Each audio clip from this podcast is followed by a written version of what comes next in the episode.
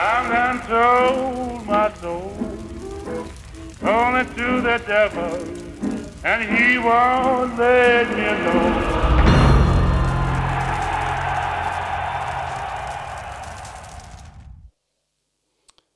Velkommen til Djævnes Ad...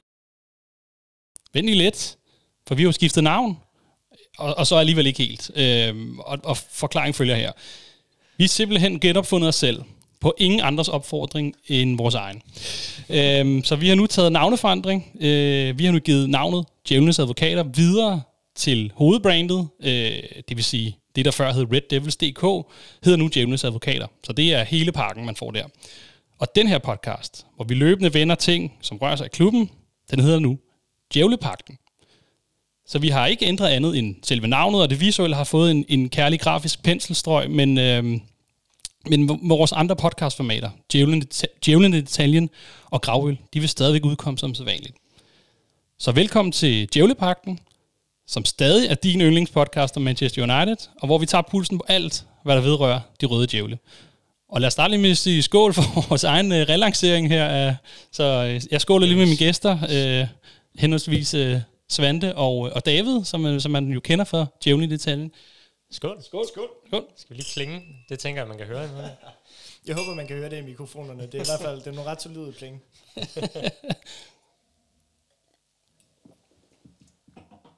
Nå, så lad os komme i gang i det her øh, med en, øh, med, med en ny sæson, som jo står for døren, og, og Premier League den sparkes i gang allerede på, på søndag mod et af Uniteds i alt 19 onde ånder fra sidste sæson, Brighton. Øh, der var nærmest ikke andet. Det var i hvert fald et af de hold, der som havde fornøjelsen af at give Ralf Randings United en såkaldt snitter på i sidste sæson på, på 4-0. men sidste, sidste sæson er selvfølgelig glemt. Der er kommet nye ansigter til. Erik og Eriksen er ved roret, og øh, håbet er endnu engang lysegrønt. Eller er det det? Øh, United har netop overstået deres preseason, øh, og under den nye manager, øh, øh undskyld, har, under, har overstået deres preseason under den nye manager.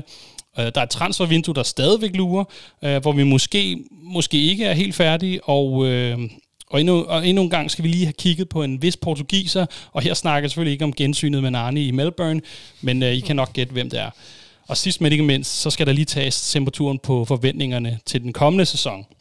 Uh, og det gør jeg heldigvis ikke alene. I har jo allerede lige uh, hils på dem, men uh, jeg har selvfølgelig kompetent følgeskab af, af Svante Vettergren.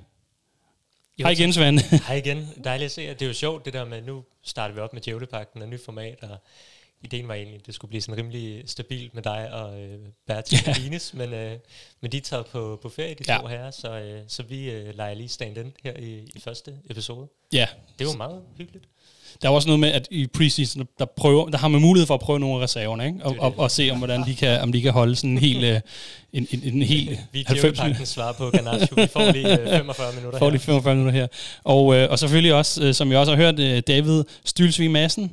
Velkommen til.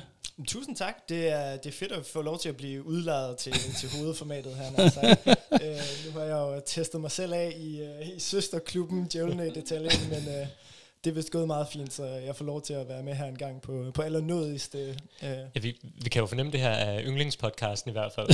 nu er der jo konkurrence internt, kan man høre. Ja, det er rigtigt, ja. Øh, men, men jeg har jo lige skrevet her i min, i min lille manuskript, om vi har haft en god sommer.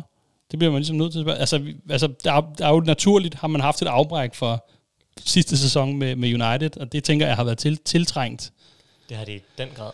Det har virkelig været, øh, altså, jeg kan huske, vi, vi lavede den sidste gravøl-episode, vi lavede i sidste sæson, var bare fem minutter med Jabs, der lavede protelyde. Jeg tror, det siger noget om, hvor, hvor tungt vi ligesom var, ja.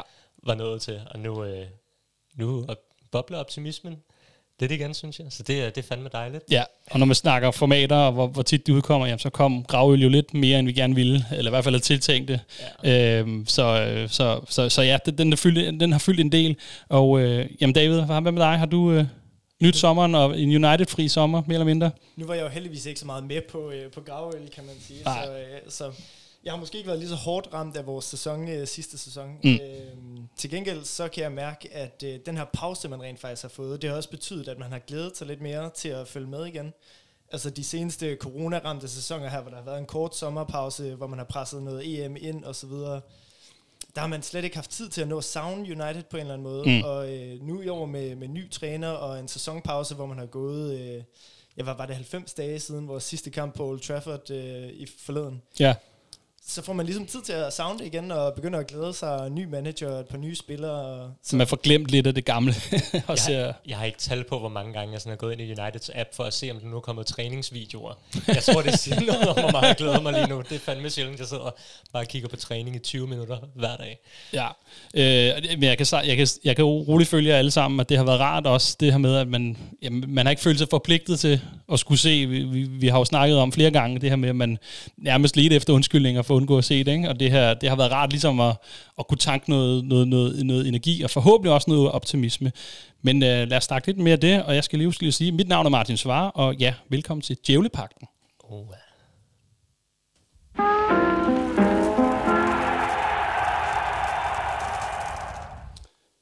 Ja, Manchester United har jo så været igennem den her preseason, hvor der blev spillet i alt seks kampe. Det blev til tre sejre, to uafgjorte og et nederlag. Og det er jo her, hvor den evige debat raser om, hvor meget skal man tolke ud for de her kampe. Går det godt, så vil man gerne tolke meget. Går det skidt, vil man ikke. Eller omvendt. Det, ja, nogle gange så er det også, ligger man for meget i et nederlag, eller hvad, hvad gør man? Øhm, ja. Betyder det, at øh, vi skal kæmpe med i toppen, når, de evige, når vi slår de evige rivaler for Liverpool med 4-0, eller er det bare mere det samme som sidste sæson, når vi endnu en gang taber til Atletico Madrid? Øh, ja, kan vi allerede se nogle nye takter og tendenser fra vores nye øh, træner, eller øh, var det ikke lidt sådan, man havde det, da United øh, havde, var på preseason med Van Gaal, der gik det vist også ret godt, og man havde store forhåbninger der.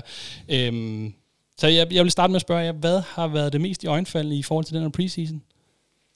Oh, det, jeg synes, der har været mange ting at holde øje med. Altså, det har jo øh, helt klart været Erik Ten Hag preseason for mit vedkommende. Altså, jeg går jo selvfølgelig op i det taktiske, og jeg kan jo ikke lade være med at sidde og kigge på, hvad der sker på banen, når vi får, får ny træner. Og det har været skidespændende at sidde og følge med i, hvad, øh, mm. hvad han har af idéer i forhold til, hvad vi har set i, i seneste sæson, som var vel nok den største rodebutik, vi har set siden uh, Mourinho's sidste sæson i spidsen. Ikke? Ja. Uh, så det, det, det har været øh, spændende at følge med i, i Erik Ten Hag og prøve at se nogle af de, de unge. Det er jo, som du siger, optimismen blomster i, i preseason og ja. en masse nye spillere. Jeg har virkelig også været optimist. Jeg prøver sådan lige at skrue mine forventninger lidt ned. Mest fordi jeg kan huske, at vi sidste sæson optog en sæson optagt, hvor United lige har vundet 4-0 over Everton i en preseason-kamp. Mm. Og vi så også snakker om, det kan være, at vi vinder mesterskabet. og sådan Så sådan, bare af den grund, så tænkte jeg, jeg prøver lidt at skrue forventningerne lidt ned. Men jeg har virkelig været sådan...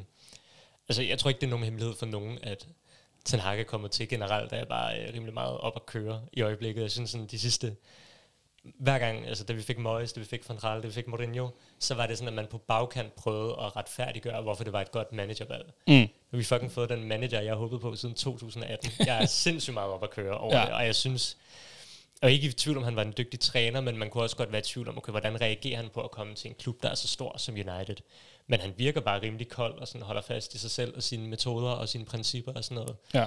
Øh, så det har virkelig været lovende, og det har været lovende at se, og sådan, Altså, det er ikke alting, der spiller 100% endnu, men det er tydeligt at se, hvad der han gerne vil, og det er gået hurtigere, end, end jeg havde tur håb på.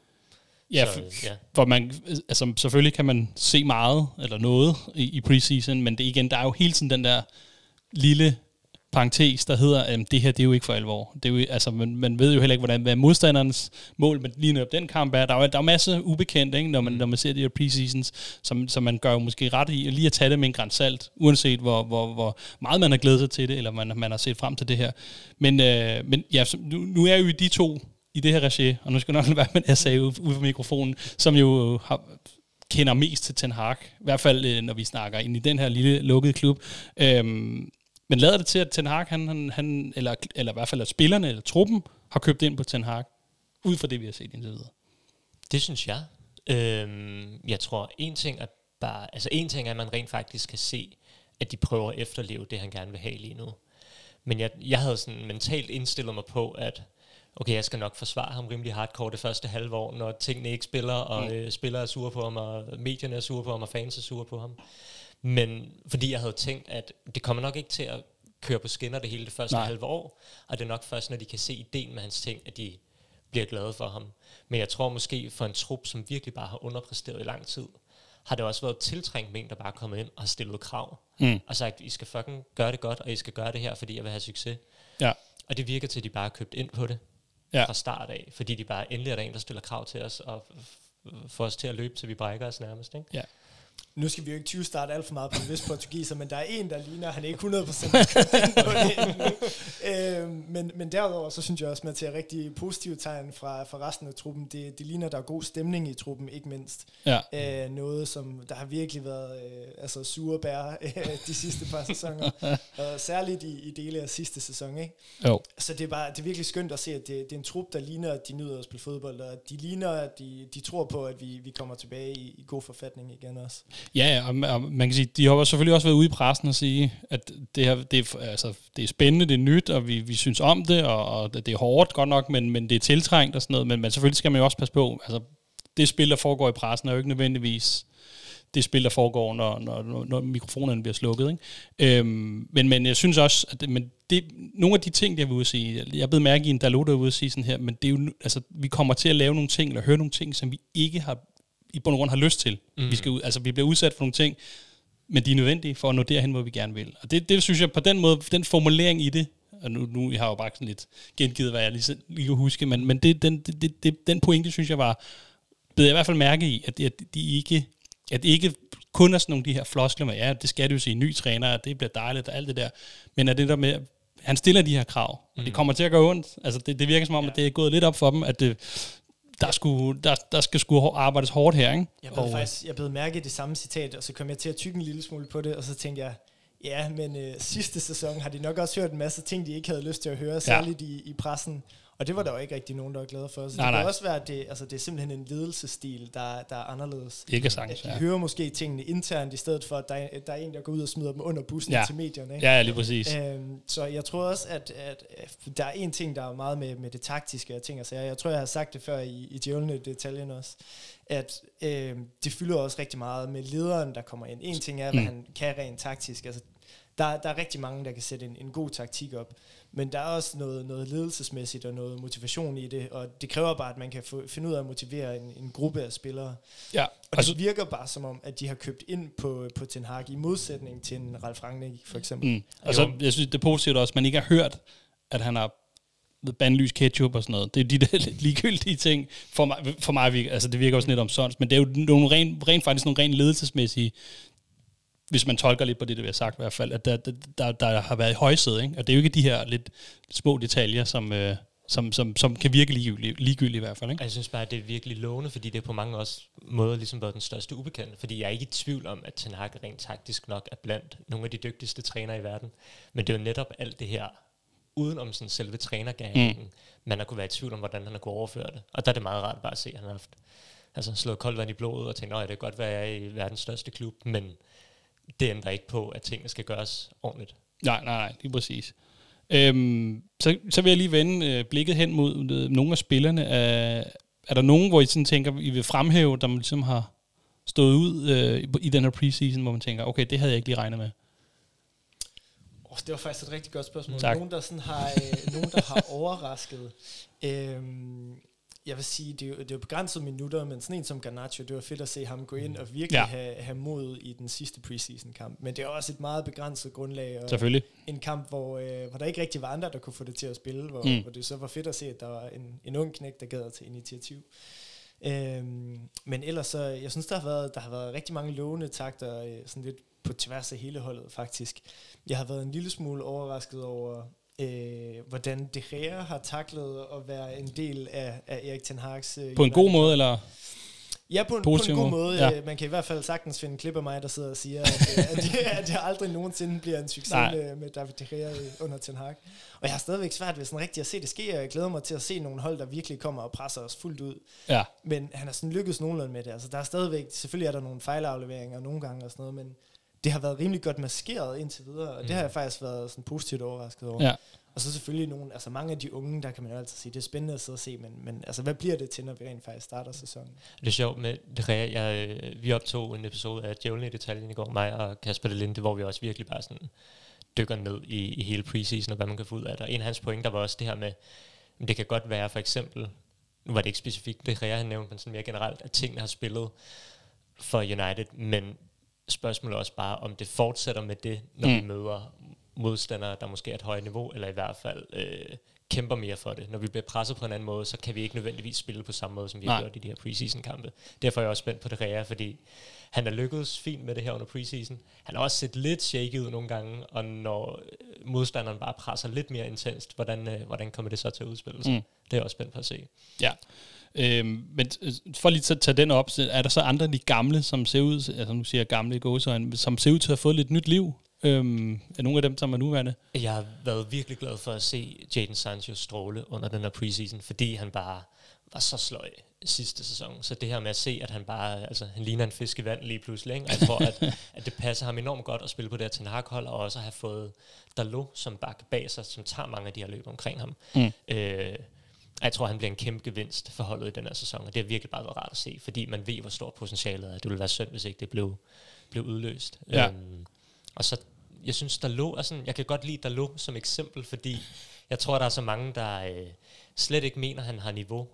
Øhm, men han er måske en af dem, der ikke har det højeste niveau, men passer ret godt til Ten Hag-hold. Og der ja. synes jeg bare, det er fedt at se, at når, så virker det også til, at når han kommer ind på et hold, hvor at spillet passer til ham, så hæver niveauet sig også på en eller anden mm. måde. Øhm, så det er bare hele den her diskussion med, om skal man have de spillere med den største individuelle kvalitet og tilpasse efter det, eller kan spillere med en mindre individuel kvalitet ja. få hævet deres niveau når systemet er der. Systemet er der. Ja, så synes jeg måske, der er et godt eksempel på det. Ja. Der, er også, der er også nogen, der er blevet gjort til syndebukke, når de ikke har fungeret under tidligere manager. Ikke?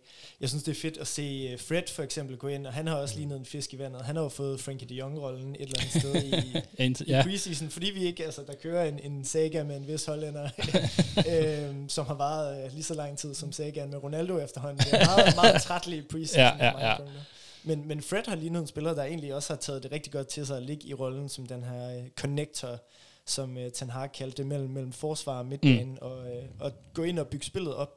Og det synes jeg, han har gjort rigtig godt faktisk, og det har været, det har været rigtig positivt over. Ja. Det var bestemt ikke noget, man forventede, da man så ham ikke som ene sekser i sidste sæson, da man bare så ham i rov mod hele Wolves kontra ja. stød, ikke? Altså, ja, ja. Og, men, men problemet er jo så også, når han kommer til at ligge helt alene dernede, det er jo bare heller ikke hans forside, og der, der får vi struktureret kollektivet lidt bedre omkring ham, hvor man så måske lidt bedre kan, kan pakke ham ind på en eller anden måde. Mm. Ja, sådan lidt. Og så er der jo så en, en, en Anthony Martial, som jo jeg vil, jeg vil ikke kalde ham ny signing, det trods alt. Det så har han været, ja, det tempo, men det, det, det, ser jo også, eller i hvert fald ved nogle af kampene set lidt lovende ud, og man er jo allerede begyndt at stille spørgsmålstegn ved, jamen, okay, kan det her være en altså plan A, øh, som, som, som United skal med, men øh, er vi tilbage ved den her med, at når han har det godt og passer ind i miljøet, og der ikke er en stor superstjerne, der kommer og booster ham i nakken, jamen så kan han jo egentlig godt. Eller hvad? Eller, eller skal vi lige tage den med det berømte grænsal. Han har vel ret beset været den mest i øjnefaldende spiller under hele preseason -turen. Helt klart. Han har virkelig været dygtig, synes jeg. Mm. Øh, og det er jo, altså, det burde jo ikke være overraskende, vi har set det før, mm. men han har været så langt nede, at man også er begyndt at tvivle på, om, om den stadig fandtes derinde ja. øh, så det har også været, det har været rigtig rart at se, men man tør jo næsten ikke håbe på det. Nej. Man har virkelig fået et, øh, et godt punch i sidste sæson, og man ja, tør jo ikke rigtig håbe på, at Rashford finder form, Martial finder form, Sancho.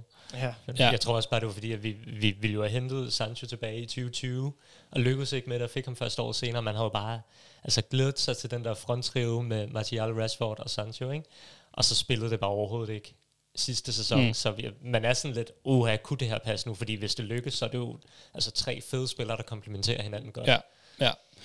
Er der så nogen omvendt set, hvor man tænker, okay, det ser, det ser ud til, at det, det kommer ikke til at fungere. Nogle, nogle, jeg har skrevet dødstømte, det er måske lige voldsomt nok ord, men, men, øh, men, men altså nogen, hvor man tænker, ej, det, det ser ikke ud til at fungere. Der er du... Øh, vi havde jo en, en Erik Cantona wannabe forleden. med, med, med øh, kraven op, ja. Scott, Scott McTominay, øhm, som jeg bare har rigtig svært ved at se han rolle under ja. Ten Hag, på midtbanen i hvert fald. Øh, jeg har svært ved at se helt, hvordan han skal kunne bidrage med noget i det her system, når han skal spille på midten. Og jeg begynder at sådan tænke, hvis han skal have en fremtid, så skal det være en anden rolle. Mm. Og så begynder jeg at tænke, kan han fungere som nier? Og jeg tror, det siger noget om, hvor oh. lidt jeg kan se en fidus i ham lige nu. altså, han har jo spillet nier på ungdomsholdet, ja, det, ja. sige, han er, det han er stor og stærk og fysisk og har et godt skud, og sådan, men, men øh, åh, jeg kan godt være bekymret for, øh, for hvordan det kommer til at gå ham. Ja. Jeg har, jeg har det jo meget modsat med McTominay i virkeligheden, men det er jo meget fint, at man, at man kan sidde og, øh, sidde og være lidt uenig. Så kan vi jo se om et års tid, hvor, hvordan, er, hvordan det hænger sammen, ja. Nej, men øh, altså, McTominay er jo netop en, som du selv siger, han har både spillet midterforsvar, han har spillet angriber, han har spillet alt muligt, ja. både i ungdomsårene og til dels på senior, hvor han spiller øh, stopper for Skotland og sådan noget. Ikke? Mm. Øhm, han, er jo, han er jo meget fleksibel, han kan sgu lidt af det hele et eller andet sted. Han er stor, han er stærk. Han lidt kan noget. ting, vil nogen sige. ja, men altså, det, det kan man jo sige, det kan man sige, men han, han, spiller sgu, han spiller ret simpelt for det meste. Jeg tror, han passer fint ind i et system, hvor han får nogle klare og tydelige instrukser om bare at spille simpelt et eller andet sted. Han, han kan jo udfylde den der uh, Donny van de Beek-rolle, hvor man spiller sådan lidt på første berøring, og man, egentlig ikke, ja. man skal egentlig ikke gøre så meget på bolden. Man skal bare skille sig sikkert af med den, og så skal man være, være motor, man skal være lidt dynamisk, man skal tage en masse løb uh, uden bolden og forstå de rotationer, der er og sådan noget. Ja. Og jeg, jeg tror sgu egentlig, at han passer fint ind ved siden af. Men vil det ikke, altså nu, nu sætter jeg bare spørg, vil det ikke kræve, at man har en vis forståelse for placeringsevne? Og det er jo lidt, været lidt hans kritik, at han, han gemmer sig lidt, ikke? Jeg synes også, hvis han spiller Van de Beek-rolle, så var det måske lidt for meget den Van de Beek-rolle fra sidste sæson, hvor man ikke så så meget til ham umiddelbart. hvor han bliver udladet. Ja, hvor vi til at uh, ja. Nej, altså... Jeg vil, jeg vil sige, jeg, jeg kan jo heller ikke, jeg nej, kan heller ikke nødvendigvis uh, sige, om han bliver, uh, om han bliver fastmand eller noget som helst. Men jeg kan godt forestille mig, at det kommer til at overraske, hvor mange minutter han egentlig får. Med mindre man, øh, man beslutter at hive øh, en Christian Eriksen ned til at spille 8 i godsøjne, for jeg tror også, det er, en, det er en helt anden diskussion, men man skal skille det der øh, syn af 6 og 8 og 10 en lille smule fra hinanden. Mm. Ja. Øh, og Ten Hag, han arbejder ikke så meget i positioner nødvendigvis på samme måde, men mere i nogle roller. Altså det her, han snakker om, at man har en connector for eksempel, ja. øh, som kunne være en Frankie de Jong, eller en Fred, som er den dybe i opbygningsspillet, men de ved også godt, så mangler de, øh, fordi de ikke er decideret øh, sekser eller defensive midt, så mangler de, når vi skal forsvare. Og så skal makkeren kunne finde ud af at forsvare i den her ja. double pivot. Altså. Mm. Så der, der tror jeg faktisk, at en, en McTominay, eller en Garner, eller en Van de Beek, eller et eller andet, som spiller ret simpelt, passer rigtig fint ind ved siden af den her øh, connector, ja. omdrejningspunktet, og en tier øh, i Eriksen eller Bruno for eksempel, som altså, som også er sindssygt dygtige på bolden, hvor ja. de egentlig bare skal gøre det simple. Der tror jeg, de passer rigtig fint ind. Mm. Ja. Jamen, det er da godt. Altså, og en anden, som jeg som jeg har noteret, eller, og jeg ved sgu ikke... Nej, nej, ja. hey, det er gået præcis som jeg havde forventet. Øh, nemlig rigtig godt. Ej, øh, en uh, Juan Bissaka har måske også mest bidraget med sit fravær. Øh, og der har været rygter om ham, der, der, der er en spiller, der har ligesom blevet smidt af holdet. Jeg ved ikke, om det er ham. Nej. Øh, men han har i hvert fald ikke øh, hvert fald været inde omkring så meget, og man nok havde en forestilling om, at han nok lige skulle prøves af. Og senest var han slet ikke udtaget til B-truppen, jeg skal kalde det mod, mod Rayo Vallecano her, ikke? Øhm, så jeg ved ikke helt, om han, om I kan se et lys i ham, eller om, om, det, øh, om det er en af dem, som måske nok må ofre livet. Øh, øh. Jeg har rigtig svært ved at se et lys i One Bissaka, men jeg tror måske også det mest realistiske er, at vi ser ham få en backup-rolle i den her sæson. Mm. For alt tyder på, at, øh, at verdens bedste højreback, Ethan Laird, øh, er på vej til et øh, sæsonudlån til Watford i et championship. Det kan man jo undre sig over, når nu man er verdens bedste højreback. Ja. Men, men det lader ligesom til at være ideen, og jeg tænker, vi har så mange mangler stadig i den her trup, som nok er vigtigt at forstærke. Jeg tænker, man Måske også fordi man er svært ved at beholde ham. Det lader til, hvis han skal væk, så skal det være et udlån, hvor man betaler løn. Noget løn, ja. Så det kan godt være, at man beholder ham i en eller anden backup-rolle. Men, men jeg har ikke den store fidus til ham, umiddelbart. Ja, jeg har talt og skrevet om ham før også, så jeg skal ikke dykke alt for meget ned i mit, mit øh, hvad skal man kalde det, hate om, øh, om One Piece Men han har, han har nogle helt klare spidskompetencer. Det skal man også huske. Han er, han er jo ikke en elendig fodboldspiller.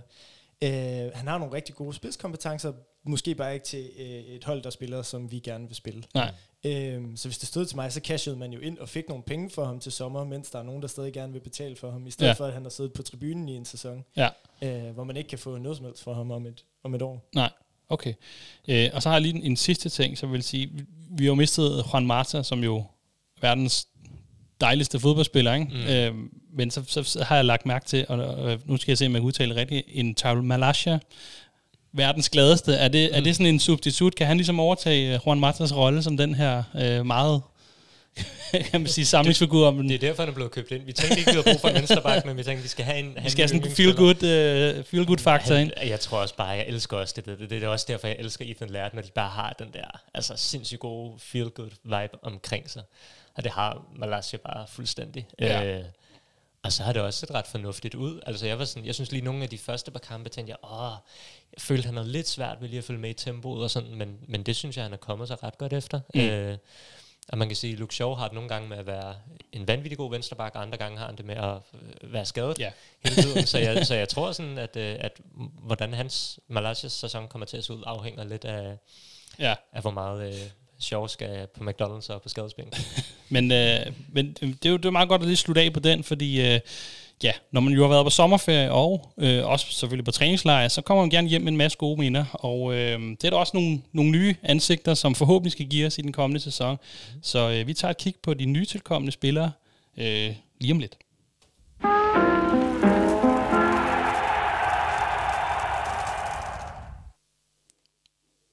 Ja, nu skal vi til noget, øh, som man elsker at have, eller øh, er det hader og elske? Øh, øh, det, ja, det er i hvert fald tale om transfervinduet. Øh, det er sådan et magisk sted, øh, ja, hvor United bliver sat i forbindelse med minimum 100 plus spillere, øh, inklusive Gaetan, Snyder og Milinkovic-Savic. Øh, øh, og så det er der, hvor Somi-medarbejdere de virkelig kommer på overarbejde. Og så er det det sted, hvor 90% på magisk vis kan blive til 9 uger. Giver det mening for nogle af jer? ja, det, det kan vi lige snakke om senere.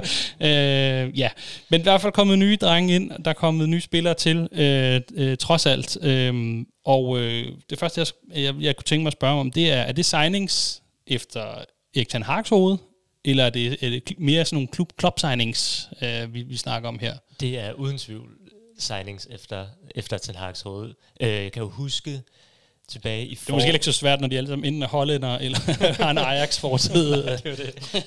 Men jeg kan nemlig huske, det er lidt sjovt der, fordi i, i foråret kom der ligesom meldinger ud om, at når vi lidt efter den her træner, men vi havde gjort alt forarbejdet i forhold til rekruttering, Mm. så han skulle nærmest bare skrive under, og så kunne vi hente dem ind, og så var de klar til preseason og alt det her. Og det virker til, at de planer ændrede sig lidt, lige så snart Ten Hag kom ind, og ja. Ja. han bare har sagt, det der arbejde, det, øh, Krølle sammen godt. og Ja, ud af det, det, Ja. fungerer ikke. Øh, så det virker rigtig meget til, at altså, vi blev også sat i forbindelse med Pau Torres, øh, Calvin Phillips, Declan Rice, alle mulige spillere, og efter Ten Hag er kommet til, at at de rygter virkelig sådan forsvundet. Mm. Jeg tror bare, det handler om, at han har ikke set værdien i det arbejde, der er blevet gjort, og sagt, nu, øh, nu får vi nogle spillere ind, som, øh, som jeg tror på. Ja. Så det er virkelig, virkelig sådan Ten Hag Ja. signings. Øh, Men, men, men så er det der, hvor man siger, kan, hvis man skal lave lege, og djævelens advokat, ikke? er det så ikke det, der, det, der er det skal far? tilføje et eller andet til den der mixer, så vi lige kan få sådan en lyd hver gang. Jeg får sådan lyd på, ja. Øhm, men er det ikke det, der er farligt, når det, når det er trænerens mænd, der kommer ind? Og med, det har vi jo netop set, og nærmest været roden til mange af de problemer, vi står med i dag, det er, at man står med efterladenskaberne fra den forrige træner, og man har tit hentet en træner ind, som er den diametrale modsætning.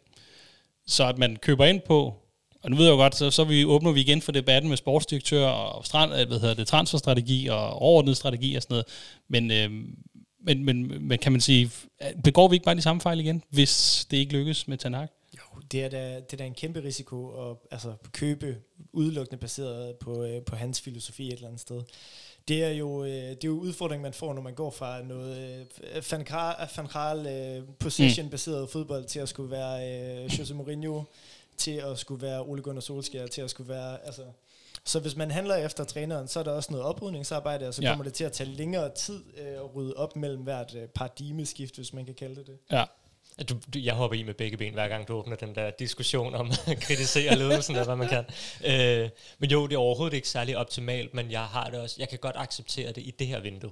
Ja. Fordi øh, jeg tror, det var The Athletic, der også var ude at sige, at til den jobsamtale, Ten Hag havde med United, der revsede han virkelig også bare klubben. Ja. Altså, så jeg tror, det handler om, at man siger, den standard, I har for jeres arbejde, den er ikke god nok. Det kan vi ikke bruge den her sæson. Nu gør vi det på den her måde her. Og så må vi bygge det på. Altså, så må vi få lavet en rekrutteringsafdeling, der fungerer fra næste mm. sæson. Ja, for der er jo også mange af dem, som har stået for det, eller i hvert fald været inde omkring det, af prominente figurer, altså nu snakker i trans, ikke en komité, jeg har nu glemt, hvad det hedder, men nogle af de personer, som har stået for rekruttering i klubben, er jo blevet, hvert fald ikke, ikke skiftet ud, men i hvert fald røget ud. Jeg ved ikke, om der er kommet noget ind endnu. Ikke Øh, nu.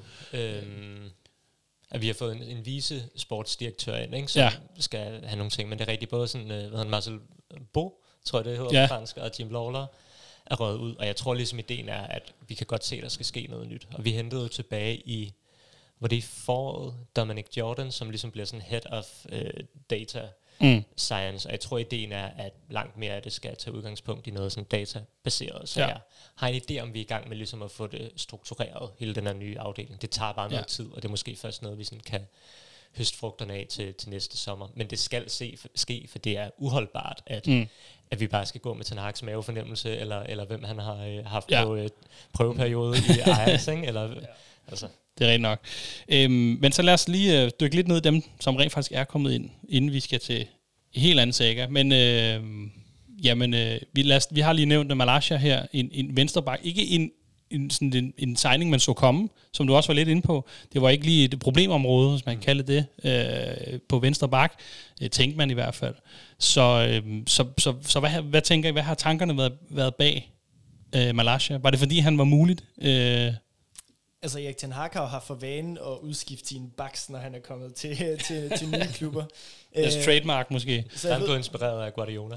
Altså, jeg ved ikke, om der simpelthen bare skulle, uh, skulle noget nyt, uh, nyt blod ind. Altså, det er obligatorisk at hente en back uh, hver transfervindue ja. for, uh, for nogle af de der possession-baserede trænere. Mm. Uh, men altså, jeg tror også, det, det giver jo meget god mening at få noget konkurrence ind til Luke Shaw, uh, der har det med at være skadet og så at få udskiftet Alex Telles i bund og grund, som mm. er en af dem, der altså, jeg synes konstant og konsekvent, at han falder igennem. Mm. Okay. Jeg tror måske også der, altså fordi jeg kan huske, inden sommeren kom, så var jeg sådan, om det vigtigste er, at vi får hentet en målmand, en 6 og en 9. Det var jeg sådan helt, og gør vi det, så er jeg altså, rimelig tilfreds. Ja. Og så vil jeg ikke hente noget som helst. Det, altså, Ingen af de, ja. Så det, er sådan, det kan godt virke helt underligt, men jeg tror måske også, det handler om, at Ten Hag ved godt, der er rigtig mange huller i den her trup. Mm. Så måske handler det i virkeligheden mere om at hente det, der er tilgængeligt. Ja. Altså kan det godt være, at venstre bakken ikke er første prioritet. Nej. Men nu var der en mulighed med Malaysia, og han var tæt på Lyon. Ja, relativt billig, ikke? Det er jo det. Og så siger man måske, så får vi løst det problem. Så kan det godt være, at vi stadig har et endnu større hul på sekseren, men vi må ligesom tage det i den rækkefølge, som ja. lader sig gøre lidt. Det tænker jeg må være tanken bag, fordi ja. det samme er altså, så nu vi hentet ikke for at tage forskud på, på de andre navne, men Eriksen som tiger, eller Martinez som øh, forsvar, som sådan, det virker heller ikke til at være de allerstørste problemer, nej. trods alt. Nej, nej, fordi lad os, så, så lad os tage øh, øh, en, en, en Martinez, som jo også er kommet til fra Ajax, øh, sjovt nok. Øhm, og, øh, og som du siger, det er jo ikke, det har, det har ikke været et, et område, som, hvor man har tænkt. Man, selvfølgelig har der været problemer med midterforsvaret, men man har vel stadigvæk følt, at man har haft nok øh, kompetente øh, spillere til, til at dække den, den plads på banen. Ikke? Ja. Øh, og har nærmest haft tre starter øh, i sidste sæson, øh, som på skiftende vis gjorde det både godt eller skidt. Ikke? Og så har man hentet ham her ind. Men hvad har... Nu har du jo, øh, I, David, været med til at, ligesom at skralde hele øh, Ten Hag ned, og han sidder i Ajax. Men hvad, hvad, hvad skal en Martinez? Hvad, hvad er tankerne bag ham? Altså det hjælper selvfølgelig, at man får en ind, der ligesom kender filosofien ja. øh, i forvejen, kan man sige. Og sidst det, vi optog Djælne-detaljen med, med Kasper og Mathias og jeg, mm. der sad vi også og snakkede om, at de her possession-baserede trænere, de er jo ekstremt glade for at have venstrebenet øh, midterforsvar i, i venstre side af, af forsvaret. Ja. Øh, fordi det giver nogle andre vinkler i opbygningsspillet og sådan noget. Og det har vi jo ikke haft i truppen, og så øh, har Ten Hag jo vurderet, at det har været, altså det har mm. været tilpas stort hul til, at man skulle have en ny spiller ind der. Øh, tror jeg, at en Lindeløf for eksempel kunne have udfyldt det hul. Det tror jeg sagtens. Jeg har siddet og mm. talt Lindeløf op i, i forhold til Ten Hag. Du er godt blevet populær i den her podcast. Ja, lige præcis. Du må men, gerne komme igen en anden gang. Men, men det har jo til synligheden været et stort hul for, for Ten Hag, og det, ja. det er jo interessant. Ligesom, man finder også gradvist ud af, hvordan det er, han tænker, og hvad der foregår op i hans hoved. Uh, så det er jo interessant ligesom at, at se, hvilke beslutninger, der bliver taget. Og der har han, der har han venstrebenet stopper jo fyldt i, uh, i ja. hans planer. Kan men han, så er han vel nærmest til ting som altså fastmand går jeg ud fra, hvis det, det skal... Jeg, ja. Ja. Når, vi, når vi kigger i slutningen af sæsonen, så tror jeg, øh, lidt bold prediction, men så tror jeg, Lisandro Martinez og, øh, og Harry Maguire, de har, de har flest minutter i, okay. øh, i midterforsvaret. Jeg tænker også, når man vælger at spille Telles som øh, venstre midterforsvar i nogle kampe, så siger det noget om, hvor meget man går op i det venstre ben. Det er ja. lidt som, da Van Raal insisterede på at spille Tyler Blackett. det, det betyder altså noget med det venstre ben der. Ja, ja, ja. Øh, ja. Jamen det, det giver selvfølgelig god mening, at øh, altså, der har været snakket lidt om hans højde eller manglende højde mm. øh, i forhold til en liga som Premier League. Øh, men folk har været hurtigt ud til at forsvare ham og sige, at han, han ser man på hans stats, jamen, så har han jo rent faktisk performet, hvis ikke øh, overpræsteret i forhold til mange, mange af dem, som burde rent højdemæssigt øh, give mere mening i den her situation. Så, så, så der har man jo også været inde og sige, jamen det, det, det tænker vi ikke er et problem, eller i hvert fald ikke et så stort et problem, at, at det vil gøre noget. Ikke? Jeg tænker også, at, at det handler om, at, at i forhold til at være stærk i luften, en ting er selvfølgelig højde, det giver en kæmpe fordel, men der er bare også mange andre ting, mm. som spiller ind. Det handler også om sådan aggressivitet i duellerne, det handler om timing, og det handler om alle mulige ting. Ja. Øh, og det er jo lidt sjovt, det her, man, han har... Øh, vinder flere af sine dueller i luften end Pau Torres, som vi også blev rykket sammen med, der er 91, ikke? altså, han er, ja. hvad han 1,78 eller sådan noget, Ja. Martinez. Ja, det er Øhm, den stil. Men jeg tror, jeg tror, det er et mindre problem, end nogen har gjort det til, men det er ikke fordi, jeg tror, det overhovedet ikke er et problem. For man skal også huske på, at han spiller i den hollandske liga, han spiller på et Ajax-hold, som har enormt meget boldbesiddelse. Og hvad sker der, når han kommer til Premier League, hvor at Ja, Everton kan vælge at smide Calvert-Lewin på ham konstant igennem en kamp, og hvad sker der, når vi ikke har boldbesiddelsen lige så meget? Ikke? Mm. Altså, så det bliver spændende at se, men, men jeg tænker også, at hans andre kvaliteter opvejer, for det han måske mangler i, i højden. Mm. Nu kalder du det et øh, mindre problem, og det må jeg bare sige no pun intended. altså, jeg, jeg, jeg, jeg tror heller ikke nødvendigvis, det bliver et problem. Man kan jo sige, vi, nu har vi øh, set enden på Sean Dyche øh, efter mange sæsoner ja. efterhånden, så vi har faktisk... jeg, jeg, jeg tror, jeg, lad os nu se, hvad der komme tilbage Han skal nok komme tilbage igen, ja. Det vil heller ikke undre mig, Nej, men nej, altså, nej. lige pt. har vi ikke noget Nej, det Sean Dyche uh, Stoke-inspireret hold i... David Moyes er vel den tætteste på, man kommer på de der dinosaur-træner, ikke? det er tæt på i hvert Ja. fald. Skal vi gætte på, at Everton henter Sean Dyche i løbet af sæsonen? Det kan godt være. altså, uh, Frank Lampard, jeg tror sgu heller ikke, han holder Nej. forfærdeligt længe. Øhm, Men, men altså, jeg, jeg, tror ikke nødvendigvis, det bliver et problem for ham. Det bliver selvfølgelig spændende at se, men, men altså, Calvert Lewin, Ivan Tony, det, altså, det er nogle stærke gutter, men altså, Martinez, han er jo også stærk, han ja. Er bare ikke så høj. Så Nej, nej. spørgsmålet er, om han ikke godt kan, kan skubbe lidt til dem alligevel. Så det er nogle andre dyder, der vi som, vi som ser i Premier League nu, frem for den der måske sådan lidt mere gængs opfattelse, at det er store firkantede mænd, som øh, slår hårdt, ikke? Til dels i hvert fald. Ja, ja, ja. Jamen, så lad os øh, komme til den indtil videre se, se, sidste øh, signing, vi indtil videre. Det er jo øh, den gode Kong Christian, øh, som jeg jo personligt synes, at, at, at de nye signings er den, der har set mest, altså den, der kan lige umiddelbart bidrage mest til det her hold.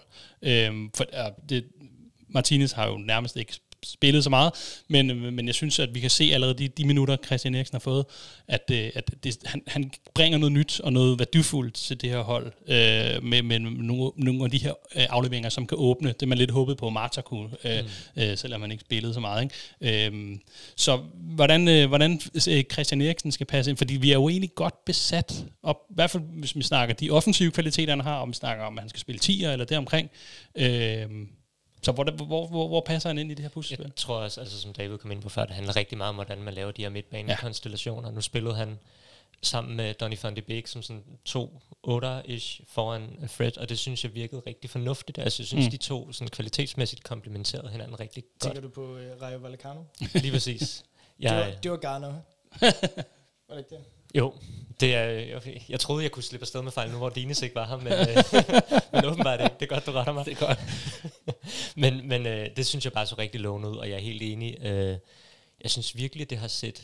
Altså, jeg ved jo, David har været meget stor fortaler for Eriksen i meget, meget, Mm. mm. meget lang tid. Øh, hvor jeg tror, jeg har været sådan lidt mere vævende omkring ham, men jeg synes bare, at han har vist stor kvalitet i de minutter, han har fået, og der, han skulle ikke være på banen i mere end et par minutter, før man, man kunne se det.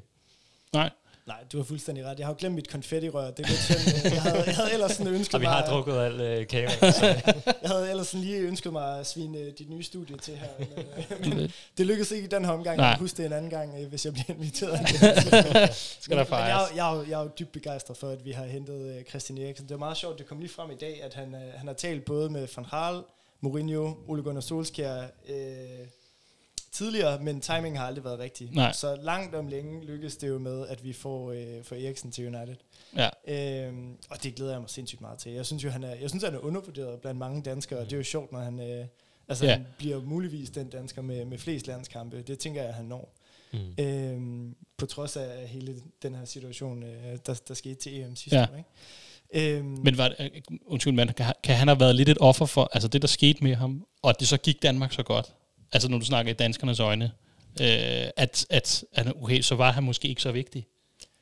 Tror, der kan vel ikke noget det? Måske, jeg tror også, det falder sammen med, så, så ændrer vi lidt på formationen. Vi Ja. har jo spillet meget sådan noget 4-2-3-1, hvor Eriksen har været omdrejningspunktet, og så laver vi om på det, fordi at Ja. vi mangler vores stjerne, ikke? og så, så går alting bare op i en højere enhed. Mm. Der har jo været noget, noget psykologisk og mentalt øh, omkring, at, at Eriksen har manglet, og vi gør det for Eriksen. Og Ja, ja. Også, ikke? Øh, Så der har været mange faktorer med, men jeg synes helt generelt, at jeg tror, det er sådan lidt jantelovsagtigt. Det er jo meget øh, klassisk øh, dansk på en eller anden måde, men jeg synes helt generelt, at Eriksen faktisk er, er undervurderet herhjemme af rigtig mange. Mm. Jeg synes jo helt oprigtigt, at han er verdensklasse. Altså jeg synes, øh, han, er jo, han er jo en fantastisk fodboldspiller. Han er så dygtig til at finde rum på banen. Han er altid spilbar. Han er ekstremt rolig på bolden. Altså han er virkelig presresistent. Øh, og når han mister bolden, så er det jo fordi, han selv tager, tager risiko. Det er jo ikke fordi, han er uopmærksom eller har Nej. dårlig teknik eller noget som helst. Så er det fordi, han prøver at, at skabe noget for holdet. Jeg tror også, ligesom at nogen måske taler danske spillere meget op, så tror jeg også, mange er bange for at tale danske spillere for meget op, og så sådan, sådan ro, ro på, det er bare fordi, han er dansk, så god er han heller ikke. Altså, jeg tror også lidt, der kan være den Okay. ting over det. Men det er sjovt, jeg kan huske, jeg var i et podcast sammen med Clark James i 2019, da vi ligesom øh, den sommer der, hvor vi blev rykket sammen med Eriksen og Bruno Fernandes. Ja. Og der spurgte han, hvem jeg helst ville have til klubben. Og dengang var jeg ikke i tvivl, der ville jeg helst have Fernandes. Så jeg sagde, jeg troede i virkeligheden, sådan, den største forskel på de to var, at hvor Eriksen var måske sådan lidt, havde lidt mere sådan teknisk elegance over sig, så havde Bruno en anden sådan fanden i voldsked og måske nogle andre lederegenskaber. Mm. At det foretrækker jeg dengang. Men jeg synes også, at nu hvor vi har fået Ten Hag til, så passer han også bare meget bedre ind, Ja. end han måske havde gjort under Solskjaer. Jeg tror også, han har gjort det godt der, men det er bare sådan, jeg kan virkelig se hans kvalitet og bidrag på det her hold lige nu. Mm, ja, det, kan- det kan jeg også godt følge. Jeg tror også, det giver mere mening nu i forhold til... øh, Altså Solskjaer var jo meget det her med, at øh, vi skal også tage noget risiko, og det skal være lidt chubang, og det skal Mm. være nogle hurtige omstillinger og sådan noget. Og der passede Bruno Fernandes jo perfekt ind, Ja. øh, hvor Eriksen passer perfekt ind under Ten Hag, og det bliver spændende at se, hvordan Bruno Fernandes han, Han kommer klarer til, sig ja. under, under Ten Hag. Ja. Jamen, øh, det lyder som om, at det har været det, det er tre gode signings. Der er ikke nogen, hvor vi kan tænke... Øh, øh, Bare til de forkerte positioner. bare til de forkerte positioner til at starte med. Jamen, øh, men, men så lad os lige hoppe videre til en, som måske, måske ikke kommer. En, som, øh, som netop måske kan udfylde en af de rigtige positioner. Øh, det er jo en Frankie de Jong, og det er jo, øh, det er jo, det er jo kan man sige, det var svaret på min lille intro her, med, hvor, hvor de 95 procent, øh, som der blevet skrevet ud i starten, at det var så tæt på, mm. øh, er blevet til de her ni uger. Jeg har ikke tjekket op, ni ugers tid, eller hvor tror, lang det er 12 gået. uger Er det 12 uger nok? For Jeg tror ja. også, vi, er, vi, er, vi er snart i anden trimester. Jeg tror faktisk også, det var 95 procent, så det er, det er Ej. virkelig blevet øh, trukket ud. Ja, det Men- blev helt trukket ud, ja. Øhm, men altså, jeg, jeg har haft sådan helt nøgternt skrevet, at, at han ventetiden værd. Ja. Øh, og, og jeg tænker lidt, det, nu kan jeg jo spørge jer, men jeg tror også, jeg spurgte Ten Hag, at han ventetiden værd. Øhm, så tror jeg måske, det ville være endnu mere eftertrykkeligt ja, eller hvad? Det, ja, det synes jeg. Øh, man kan sige, jeg har, har, har, hvis det havde været en hver anden træner end Ten Hag, vi havde lige nu, så tænkte jeg, han har tabt små kerner ham der. Altså, hvad fanden er det, Mm. han tænker på i forhold til de indkøb, vi har lavet helt generelt? Og jeg tror også, at som udgangspunkt tænker jeg, De Jong som sekser, og er det nu en god idé? Vi kan godt hente De Jong, han er en dygtig spiller, men måske mere som en erstatning for Pogba. Vi har stadig Mm. for en anden ved siden af ham, som kan frigøre ham offensivt, men jeg har bare så sindssygt stor tiltro til Ten Hag lige nu, og hvis han mener, at han kan spille den her rolle, som Fred har haft indtil videre, jamen, så har jeg sådan set tiltro til, at det skal han nok kunne gøre, især fordi han kender spilleren så indgående.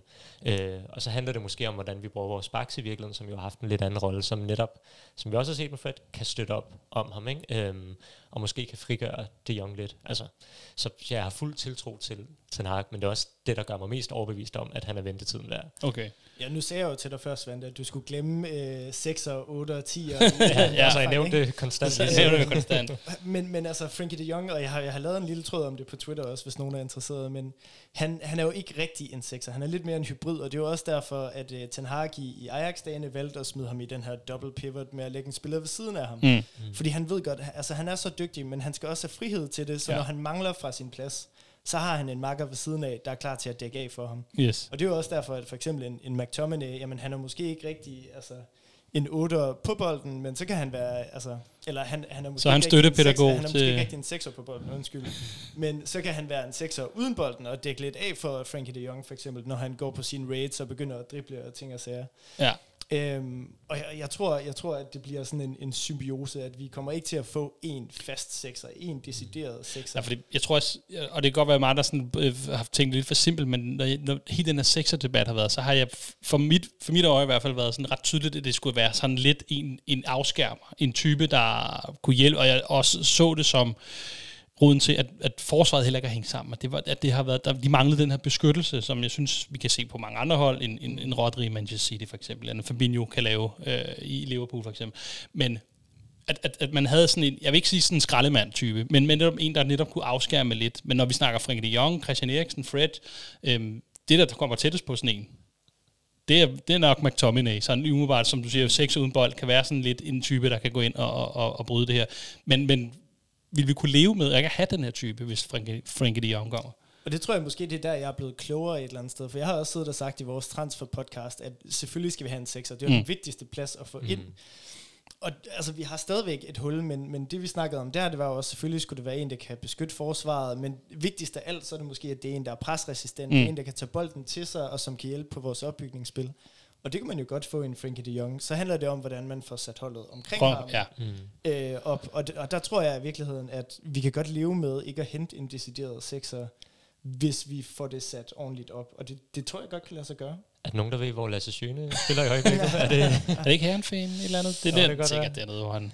Ja, øhm, nej, hvad hedder det? Øh, jamen, jeg kan sagtens se, så, så jo, nu kan jeg huske, hvad jeg skulle spørge om. Hvad så kan vi leve med, hvis vi ikke får ham? Hvad gør, hvad gør man så?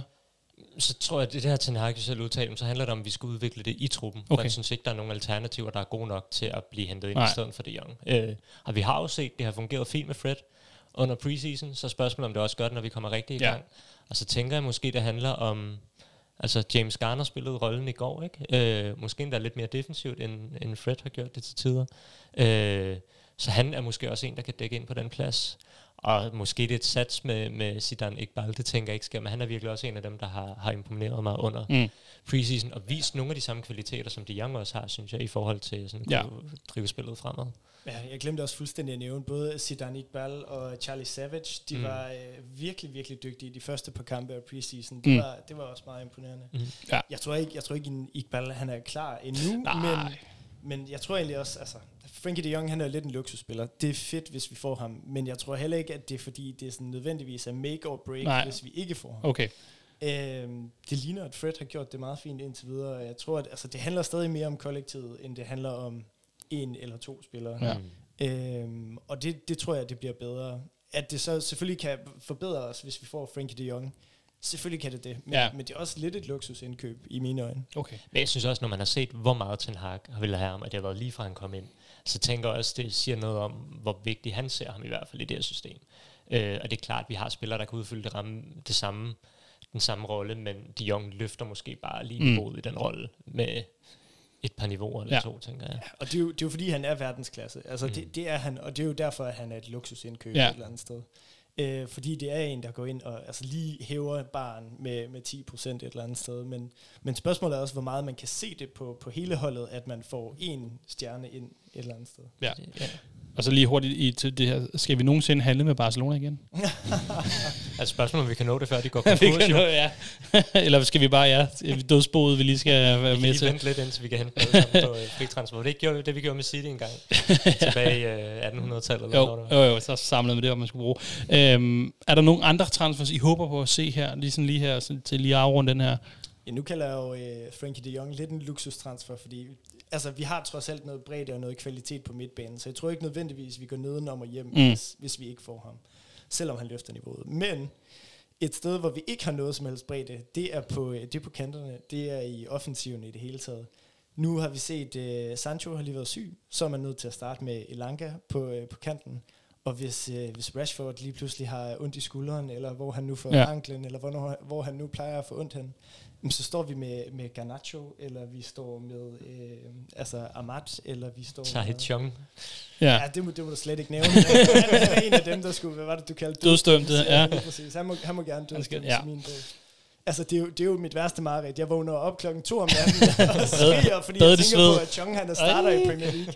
Altså, det, det, det kan jeg simpelthen ikke. Ja. Så, så bredden offensivt, det, det halter virkelig også. Hvis øh, en vis øh, Ronaldo øh, lige pludselig smutter os, så er vi godt nok tyndt besat offensivt. Ja. Der skal ikke mange skader til, før, øh, det før korthuset vælter. Der. Jeg synes i virkeligheden også, altså også midtbanen, nu ved jeg ikke, om det bliver De Jong eller hvem det bliver, men der kunne vi også godt lige, i hvert fald sådan i den mere defensive del, synes jeg godt, vi kunne savne noget der, men helt klart, de offensive pladser. Øh, igen, smutter Ronaldo, så ville det være rigtig godt med både en nier og en eller anden alsidig kantspiller, Kantspiller, ja. ikke? fordi at det ser godt nok Det er lidt tyndt ud. Ja. Ja.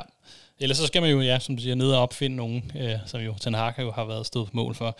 Øhm, jamen, fra nye ansigter i truppen, så skal vi over til øh, en lidt mere gavet en af slagsen. Vi har nævnt det et par gange, så, Nani? øh, som lader til at skabe øh, en del problemer, selvom han er mange ikke er blevet gjort til et problem. Det er selvfølgelig Cristiano Ronaldo, vi skal snakke om lige om lidt.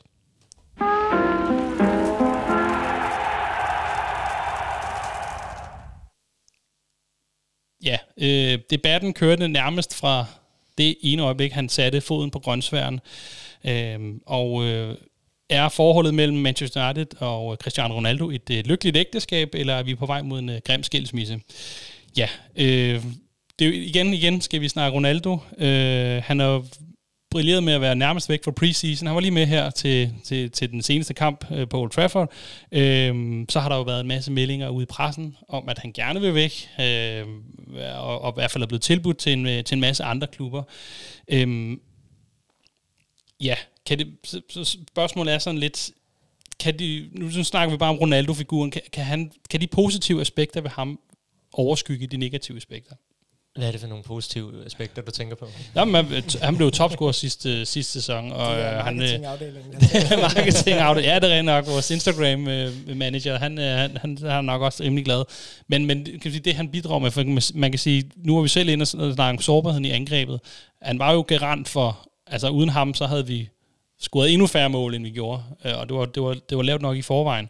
Øhm, så, så, så han kommer jo med, det, altså det han, det han kommer med, det er mål, og det leverer han som regel også. Og det har han jo også gjort, og han har også reddet i sidste sæson United igennem, hvor, hvor, hvor man var på vej ud af Champions League for eksempel. Der har han jo nærmest ene mand sørget for, at vi kom videre i den gruppe der. Så, så, så jeg mener, de positive, altså det, det man får med af positive ting, jamen overskygger de så helt klart de, øh, de negative ting. Jeg gider ikke rigtig at spørge, om han er problemet mere. Det synes jeg, den er om lidt... han er hemskoen. Om han er hemskoen, ja. ja. det ved vi alle som godt, han er. Så er altså, jeg synes, jeg synes, der er et par ting, man skal tage med i overvejelserne. Ikke? Og det, altså, det første, det er jo selvfølgelig, hvad kan han indfinde sig med? Mm. Øh, man skal jo huske, at han bærer en kæmpe stemme i omklædningsrummet, kvæg hans status og kvæg mm. hans historie. Så hvad kan han indfinde sig med? Kan han indfinde sig med at være en, en striker, der, der scorer mål i de nemme kampe? Man så jo en uh, Klaas-Jan Huntelaar i, uh, i Ajax uh, under Ten Hag dengang, som spillede de fleste ligekampe og scorede fint med mål og sådan noget i, altså i de mm. nemme kampe, hvor man havde 80% possession, og, og han bare skulle stå deroppe og sparke dem ind egentlig. Kunne han indfinde sig med sådan en rolle? Jamen fint og fornemt, og så kan han lære fra sig. Men hvis han surmuler, og han brokker ja. sig, og han er en dårlig indflydelse på spillerne, og han, og han har det her sit eget lille orbit, hvor spillerne spiller til ham, bare fordi han er Ronaldo, i stedet ja. for at lave den bedste aflevering, så bliver han et problem. Men, men kan han indfinde sig med det, og kan han begynde at bevæge sig, måske bevæge sig lidt over i en, i en træneragtig rolle, så kunne, det, kunne han måske godt være en gevinst i, i truppen. Ja, øhm, altså kan han overhovedet bruges i sådan et Ten Hag-univers? Altså hvis han, hvis han indstiller sig på at gøre det, Ten Hag beder ham om. Jo, det er jo... Så ja. Men forventer har, vi så det, han, han kan Han har nogle klare kvaliteter, men, men det er netop også det, jeg er bekymret for. Ikke? Altså fordi jeg tror, han ville være god, hvis han i virkeligheden, du ved, blandede sig så meget udenom spillet, som overhovedet muligt, og så bare var til stede i boksen og kunne, kunne mm. score nogle mål.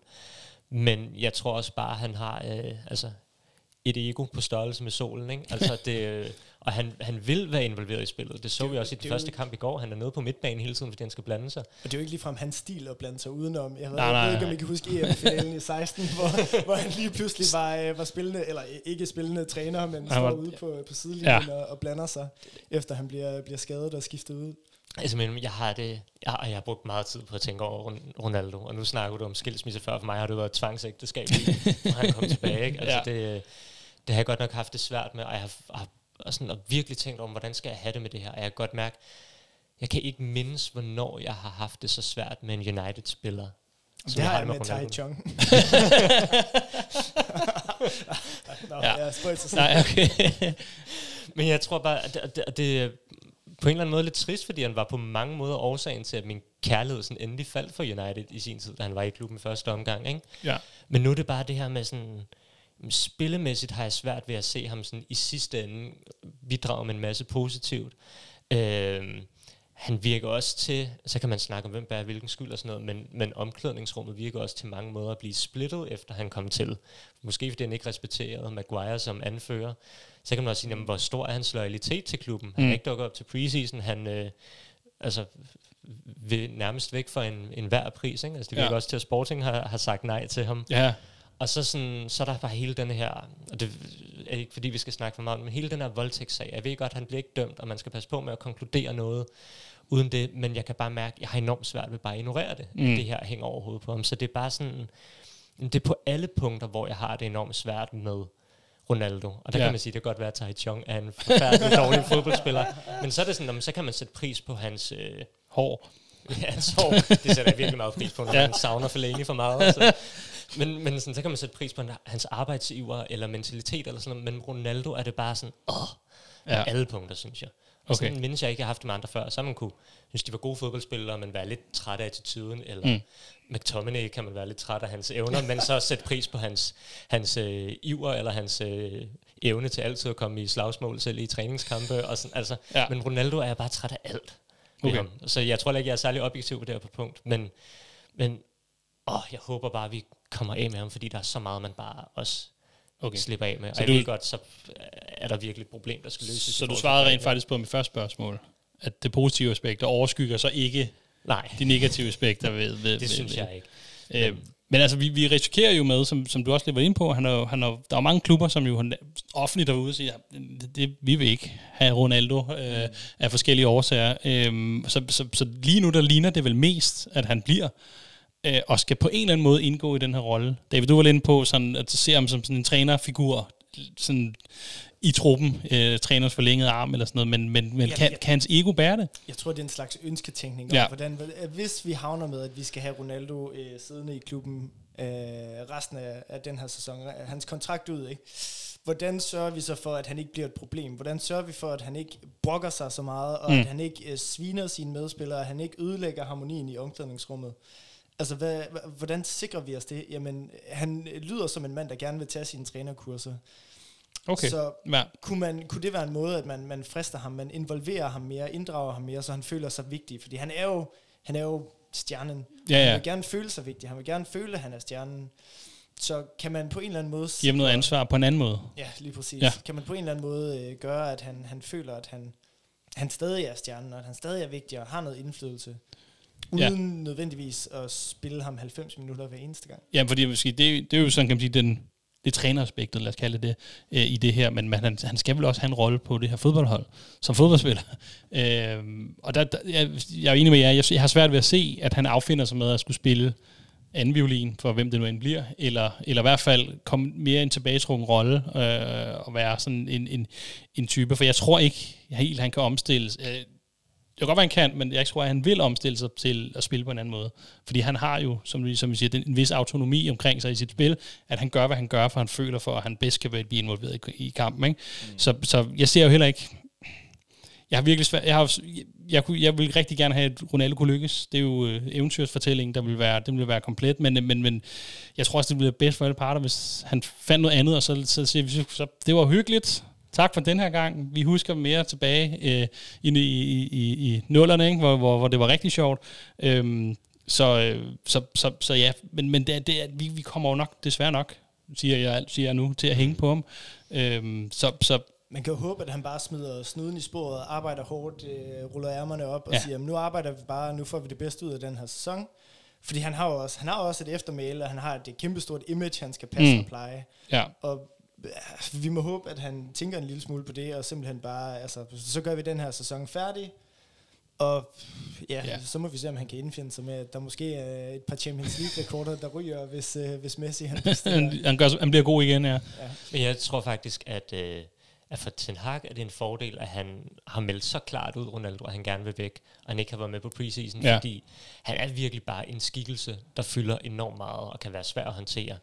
Men i og med, at han ligesom har vist sine kort, ikke? Jo, i forhold til, at han gerne vil væk, så er det måske lettere for Ten Hag at smide ham på bænken, eller sige, du gør det på min måde, eller også er du ude af holdet, end det vil være tidligere.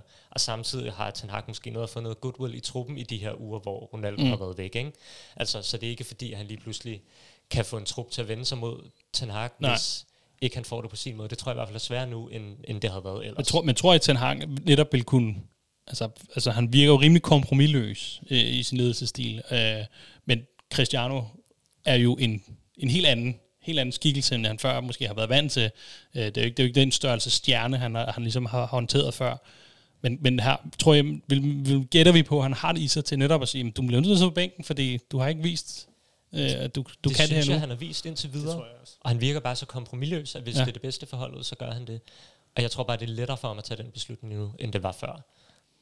Ja, hvis, hvis Ronaldo ikke er pro, professionel, jamen så tror jeg også, han bliver bænket, altså, eller bliver øh, ophævet helt, hvad pokker ved jeg. Mm. Ja. Altså, jeg, jeg tror, han er kompromisløs nok til, at man siger, øh, du, du kommer ikke til at spille hver gang. Nej. Ikke medmindre du er den bedste til træning og gør dig fortjent til. Og han har vel også, i den kommunikation, han har udøvet, der har han jo ligesom båret rimelig meget af på det, og, og holdt sig til flosken, han springer mål, mm. eller ja, vi kan gå, altså sådan bare sige det, der skulle siges, ikke? Han ikke var rigtigt. også ude at sige forleden, at Ronaldo er langt fra at være god nok lige nu. Han mangler mange kampe og mange ugers træning, Mm. så han kommer ikke til at spille fra start af det næste stykke tid. Ja, Altså, det siger måske også bare, der er han også bare direkte i, godt være, at du Ronaldo, du er ikke god nok endnu, for du har ikke trænet til en hakbold i flere uger, ligesom Mm. alle de andre, ikke? ja. Godt. Om Ronaldo han bliver eller smutter, jamen i, så fald, så skaber det jo nogle nye forventninger til den kommende sæson, så øh, det springer vi til efter et lille stykke musik.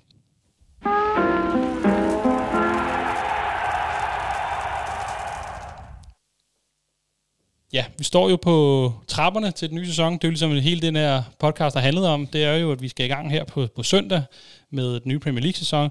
Og, øh, og det, derfor så skal vi lige ind og vende nogle, nogle forventninger til, øh, til det her sådan helt, øh, helt, helt konkret.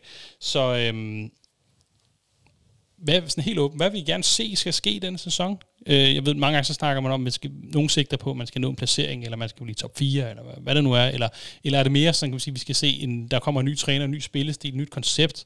Det er det, der skal begynde at materialisere sig lidt mere. Eller hvad, hvordan er det blevet? Hvad, hvad, hvad, hvad, hvad vil I gerne se, der ske i denne sæson? Jeg er lidt i tvivl. Jeg kan ikke finde ud af, om jeg kan nøjes med Premier League, eller om jeg også gerne vil have Champions League-trofæet i den her sæson.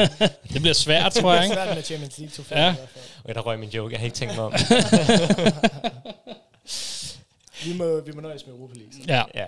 Jeg tror for mit vedkommende, så... Øh, jeg, jeg tror, jeg har det lidt med United, som jeg havde det med at bygge kugler, da jeg var lille. At det ikke altid sådan slutresultatet, der er det vigtigste. Det Nej, er Det processen, ja. Øh, for at bruge et rigtig øh, træls, fantralsk udtryk, som Ten Hag også har benyttet nogle gange indtil videre. Men for mig handler det virkelig om processen. Men til gengæld så glæder jeg mig enormt meget til den, fordi jeg har en klar forventning om, at det bliver en fed sæson, og vi kan se fremskridt, og det går i den rigtige retning.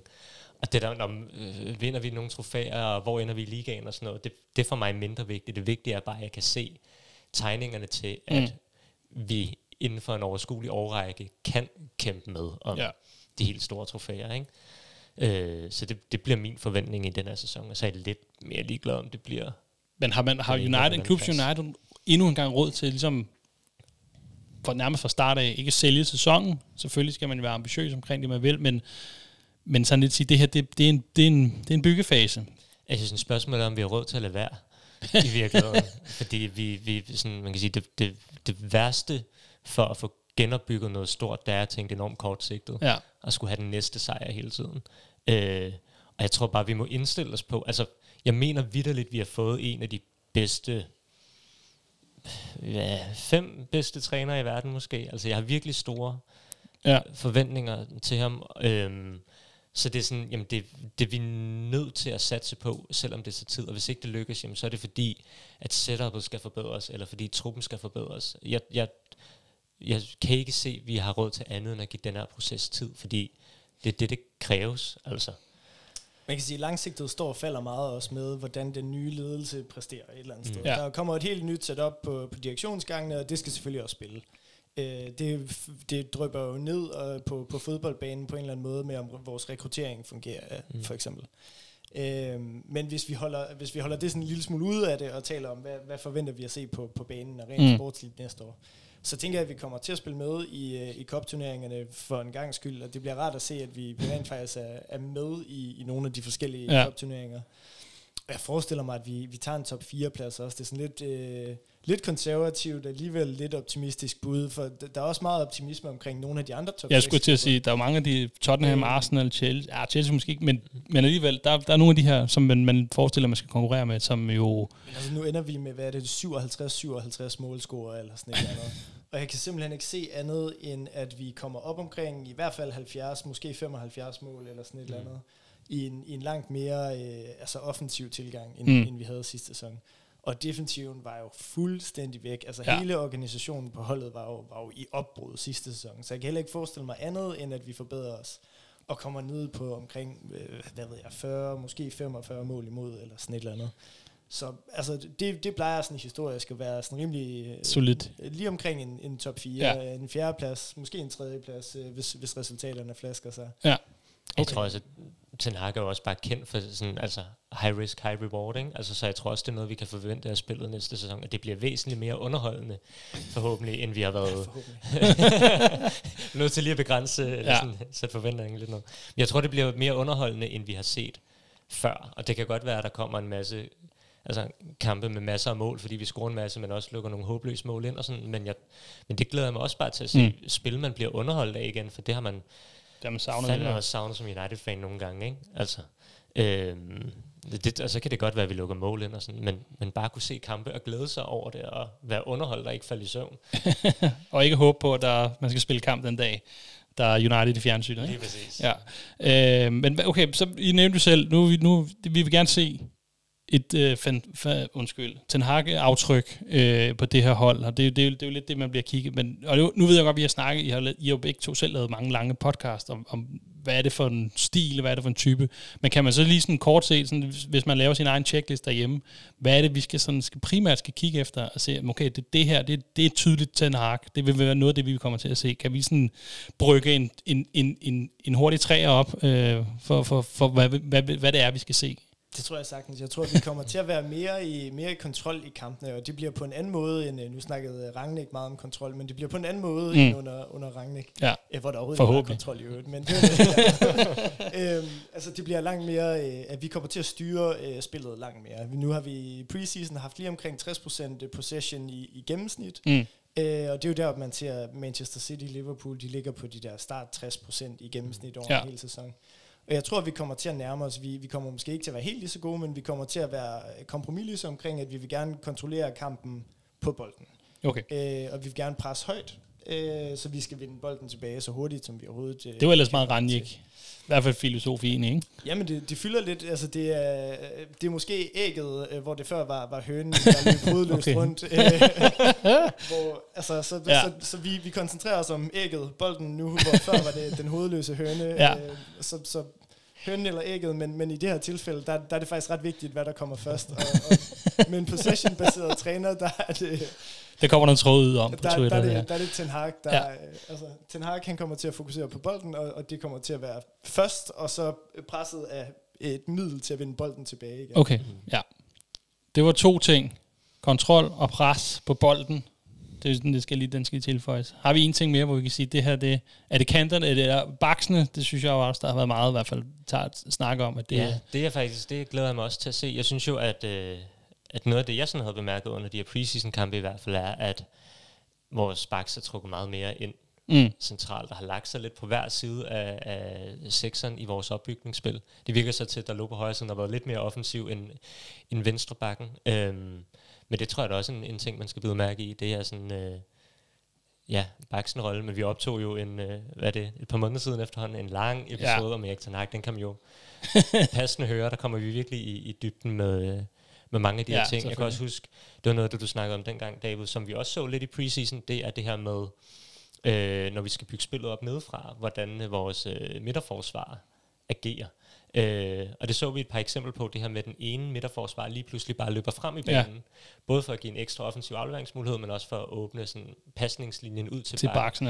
Ja. Øh, og det tror jeg også er rimelig kendetegnende for Ten Hag. Jeg har ikke hørt om så mange andre, der gør det i hvert fald. Altså det, det handler jo meget om, øh, om rum, altså at man udnytter hele banens rum et eller andet sted. Ikke? Mm. Så, så bruger man mange rotationer i, uh, især i, i Ten Hag's system. Altså det her med, um, hvis der er en, der forlader et, et halvrum og løber ud på kanten, jamen så løber kanten ind i stedet ja. for, fordi at man hele tiden bevægelserne skaber nye rum, og dem skal man hele tiden fylde ud, så det er også et meget dynamisk, øh, dynamisk spil, han ligesom fører. Og det, det tror jeg, at man kommer til at se rigtig meget. Og det der med, at man kommer til at sidde og være i tvivl om, hvem fanden var egentlig 10'er i den kamp, og hvem var 6'er, og hvem var 8'er. Det bliver helt normalt, eller hvad? Mm. Øhm, jeg havde den diskussion så sent som i dag med en af mine kammerater om, hvem sådan, Nå, Eriksen han var meget nede og hente bolden i går. Hvor jeg havde siddet og sagt, altså jeg synes, Eriksen havde udgangspunkt som, som 10 og sådan marginal længere fremme end, ja. øh, end Donny van de Beek, som, som tog mange løb frem, og når han løb frem, jamen, så dækkede Eriksen af, og jo, han var dernede og hente bolden nogle gange, men det var Donny van de Beek også, og Garner var nede og split midterforsvaret nogle gange, for, ja, ja, for, for ligesom at bygge, altså ja. bygge spillet op. Så jeg tror, at de her rotationer og dynamikken, altså om vi lykkes eller ej, det, øh, det, det kommer også meget an på, hvordan vi lykkes med den her dynamik, hvor mm. hurtigt vi begynder at forstå øh, de her løbemønstre, bevægelsesmønstre og sådan noget, og altså ligesom køber ind på det, forstår det og, og kan udføre det kollektivt. Ja, okay, så nu, nu vil vi prøve at koge, lave en bouillonterning af noget af de, af de her øh, mange taktiske, og jeg vil kun anbefale, at vi går, at, at sætte jer ned eventuelt lørdag eller søndag formiddag, inden kampen starter der kl. 3, at så, så kan man jo lige høre det igennem og ligesom lave sin egen lille liste, men som, som, vi, som vi siger, så, så er det jo så kontrol med bold, det, undskyld, kontrol jo, jo, jo, jo. kontrol med bold, og så var det pres, på bold. Du blev lidt forvirret at høre ja, du, det der. ja, ja, fuldstændig. uh, og så, så, og så har vi lige snakket noget om, om Baksens rolle. Uh, både kan man sige, den her lidt mere flydende rolle, uh, og det er jo sådan generelt, men, men også den her med, som du siger, de, de trækker lidt mere ind i banen. Så det, det, er i hvert fald måske nogle ting, man kan begynde at holde øje med. Og måske rotationerne helt generelt, ja. spillerne blandt. Det, det, ja. Så lige her til sidst, når vi snakker forventninger, er der nogle spillere, I vil have særlig lup på, som vi siger, det her, det, det, jeg glæder mig til at se den her spiller i, i den her kommende sæson, en, en eller to. Altså, jeg er ikke i tvivl. Sancho er den, jeg glæder mig allermest til at se. Jeg vil ja. så gerne se ham sprudle på det her hold. Øhm, fordi jeg øh, kæmpe beundrer af ham. Og så er jeg spændt på at se, om Martial kan fortsætte sine fine takter fra preseason. Det håber jeg virkelig, fordi når han er god, er han en virkelig fed spiller. Mm. Og man kan sige, når... Øh, når Ten Hag kan få et uh, West Ham flop til at blive topscorer i Champions League, så kan man da også håbe på, at han kan få et, uh, et uforløst talent i Martial til at sprudle lidt mere. Ja, jeg er meget spændt på, hvordan vi får øh, både Bruno Fernandes og Christian Eriksen til at lykkes. Øh, mod Atletico kommer Christian Eriksen ind som 10'er, og straks skubber Bruno Fernandes ud på, mm. på venstrekanten. Og det bliver meget spændende at se, hvordan vi får, får dem begge to i spil, fordi det er jo, altså, Bruno Fernandes har historisk været vores omdrejnings, omdrejningspunkt i et stykke tid nu, og nu kommer Christian Eriksen ind og kunne meget vel blive det for den sags skyld. Mm. Øh, så hvordan vi får de to til at lykkes samtidig, det bliver ekstremt spændende at se. Ja. Om, om Eriksen skal spille dybere, om Bruno Fernandes skal ud på kanten, være falsk nier, eller hvad ved jeg. Øh, det bliver spændende at se, hvordan det lykkes. Og så glæder jeg mig til at se Harry Maguire jeg, jeg er nødt til bare at sige, jeg, altså jeg bakker over Harry Maguire op i Du er fuldt... Øh... Han er en rigtig dygtig fodboldspiller. Han har fået så meget røg, og det er fandme også, øh, altså det er tungt at være, ja. være forbilledet på det kæmpe trainwreck, vi havde i sidste sæson. det er tungt at være Harry Maguire. ja, Men jeg glæder mig til at se, øh, jeg glæder mig til at se Harry Maguire bounce tilbage. Jeg tror, at han bouncer tilbage og får en, en strålende sæson. Øh, så ja. jeg glæder mig til at, at se, øh, se ham i, i spillehumør igen. Ja. Og selvfølgelig, og meget personligt, så for uden selvfølgelig Lindeløf, så, øh, så har jeg faktisk baseret på preseason virkelig forhåbning til Malaysia. Jeg, så, jeg tror virkelig, at han kan komme ud og give noget konkurrence til Shaw, og jeg kan kun se, at, der, at det, det vinder holdet simpelthen på. Mm. Øh, så det, så der vil jeg også helt klart være, være, være det, hvor min loop vil være. Ikke? Men, øh, men jeg er også enig med Maguire. Jeg er spændt på at se, hvad der sker, når nu han får den coaching, han måske har brug for. Jeg håber bare ikke, han har holdt ferie i Grækenland, så, så skal det nok gå godt. Det kan være endnu en grim sag der.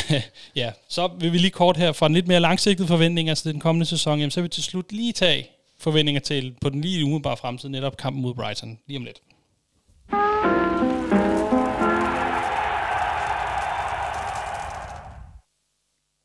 Ja, vi har nævnt det øh, et par gange nu. Øh, første kamp det er mod Brighton, det er på søndag, det er den 7. august kl. 3 på Old Trafford.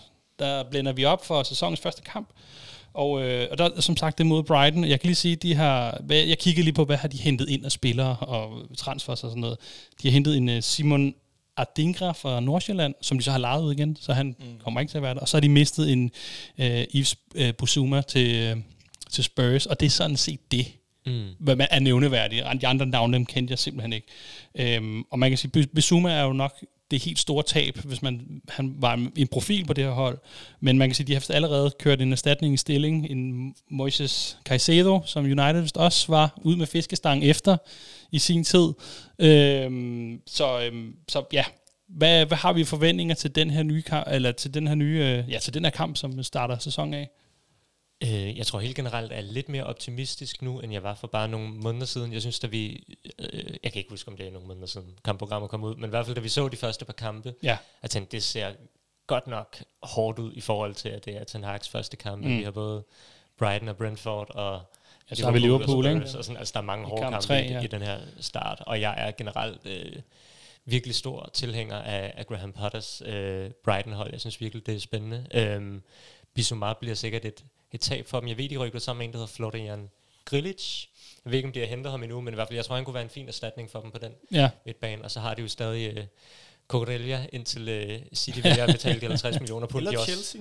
Eller, Eller Chelsea. Chelsea, ja. poppet op øh, for nylig. Nå. Men må det, altså, City betaler over 50 millioner pund for alle backs, så må det ikke også de ender med at betale Jo, og så spiller Marcos Alonso alligevel, ikke? ja. Ja. ikke for Chelsea eller City, men... Øh, Nej, Chelsea. Klar. Nå, ja. Vi byttede lidt rundt. Ja, ja. Men, øh, men, øh, men jeg tror, det bliver en fed kamp på mange måder. Det er to hold, der virkelig spiller noget, øh, noget god fodbold. Man, man kan også se, at den her manglende transferaktivitet kan også være et udtryk for, at det er altså et hold, der er sådan rimelig gennemarbejdet. Mm. Og, og selvfølgelig kan man sige, at Besuma er et stort stort hul, og, der skal udfyldes, men man alligevel, at der ikke er flere udskiftninger på det her hold, det gør jo også, at det, det, det er et hold, der kender deres besøgelsestid, der, der kender, der, der virkelig ved, øh, hvordan de skal spille sammen. Så jeg tænker også, det, det kan være en farlig modstander, øh, vi kan, man kan brænde nallerne på. Ikke? De spillede vel virkelig også med ham, uden ham i en større periode sidste sæson. Ja. Han har også haft hele den der... Ja, han har også haft noget. sag på, eller hvad det nu er. Øhm, anklager i hvert fald. Anklager, ja. Øh, og så kan man sige, Brighton er måske også et hold, der godt kunne bruge en ordentlig nier. Øh, det synes jeg, de har savnet i, mm. i flere sæsoner, og det virker de heller ikke helt de til at få fire mod os alligevel. jeg skulle ja. til at sige. Ikke Men jeg tror desværre, ser mere om os, end det gjorde med Brightons angreb. Men altså, vinder vi Svante? Ja. Yeah. altså, jeg kommer ikke til at sidde i en sæsonoptakt i vores sådan, første episode i, i det her. Det har vi gjort i det sidste halve år, tror jeg at sige. Vi har langt om længe fået din ønskemanager, ja, vi taber til Brighton. ja. Uh, ej, jeg var selv inde på, jeg sad og, og har, jeg hentet deres uh, Uniteds app, for de viste preseason kamp på den, og der kunne man predikte, og der, der gik det 1-1. ja, men det er nok bare, nok bare sådan lidt uh, skadet der sidste sæson. Du har set på statistikken, og så er det mest sandsynlige. det er mest sandsynlige. Uh, jamen, uh, så kan jeg jo spørge til dig, David. Svante var lige inde på det her. De, de første par kampe, uh, altså næste kamp hedder Brentford ude, Liverpool hjemme, Southampton ude, Leicester ude, og så Arsenal hjemme de første seks kampe. Ja, det er, det er en ordentlig mundfuld, øh, men, men, men er, det, er det godt tidligt at få de her kampe ud, eller... Altså, vi måtte godt lige have ventet en, øh, en håndfuld kampe for min skyld, så vi lige kunne, øh, kunne, ja. kunne finde formen et eller andet sted. Men det kan selvfølgelig også være en fordel at, at komme ind og møde øh, Liverpool tidligt, for eksempel. For det er jo heller ikke sikkert, at de er mm. i, i topform endnu. Øh, har også haft en lille smule svingende resultater i, i preseason, for eksempel. Så det kan jo være, øh, altså det kan jo også være en fordel at ramme dem tidligt, før de ligesom også øh, spiller sig varme. Ja. Men øh, jeg havde gerne ventet lidt, lige du ved, få spillet øh, startelveren sammen. Nu siger Ten Hag godt nok, at der ikke rigtig er en startelver, men, men det har det, det lignet alligevel. Ja, det skulle jeg til at sige. Så, øh, det har været fedt lige at få, få holdet spillet sammen. Mm. Øh, og vi får virkelig testet, om vi, om vi synker eller sejler mod, øh, mod Brighton allerede i første kamp, ja. tror jeg. Ja, det, er jo, det er jo et gennemarbejdet mandskab. Det er virkelig. Men det kommer til at vise, om hvorvidt vi har rykket os fra sidste sæson, ikke? Fordi vi mødte, var det sidste kamp, vi... Nej, det var med... Jeg husker dårligt, vi mangler Dines. Vi mangler men, Dines, men vi mødte ja. dem i hvert fald i slutningen af sidste sæson, hvor det virkelig sidste, så sløjt ud. Ja. Ikke? Så det bliver også en meget godt billede på, når, hvor meget har Ten Hag i virkeligheden formået at rykke os mm. her i løbet af sommeren. Ja. Det er ret spændt på at se. Jamen, øh, jeg tror, det var de sidste bevingede ord. Jeg vil, øh, jeg vil sige, at nu vil vi runde af for denne sæson af vores også første første udsendelser, og øh, det har været en fornøjelse at have dig med, som så vanligt, Svante, fristes jeg til at sige. Det er altid en fornøjelse. Og David, det var, det var dejligt at lige have dig med. Det Tusind var, tak, fordi ja, jeg og der, vi kan jo høre mere til dig, når vi, når vi blænder op for Djævlen i detaljen, hvor, hvor der bliver nørdet godt igennem. Øh, et, et, utroligt for alle, ja, hvor alle detaljerne netop bliver gennemgået. Så, øh, så jeg vil sige tusind tak for denne gang, og øh, vi lyttes ved. Hej.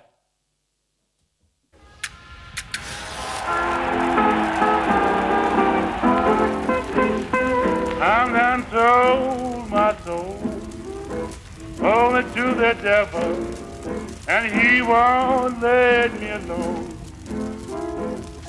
I'm done sold my soul only to the devil. My heart has turned to stone.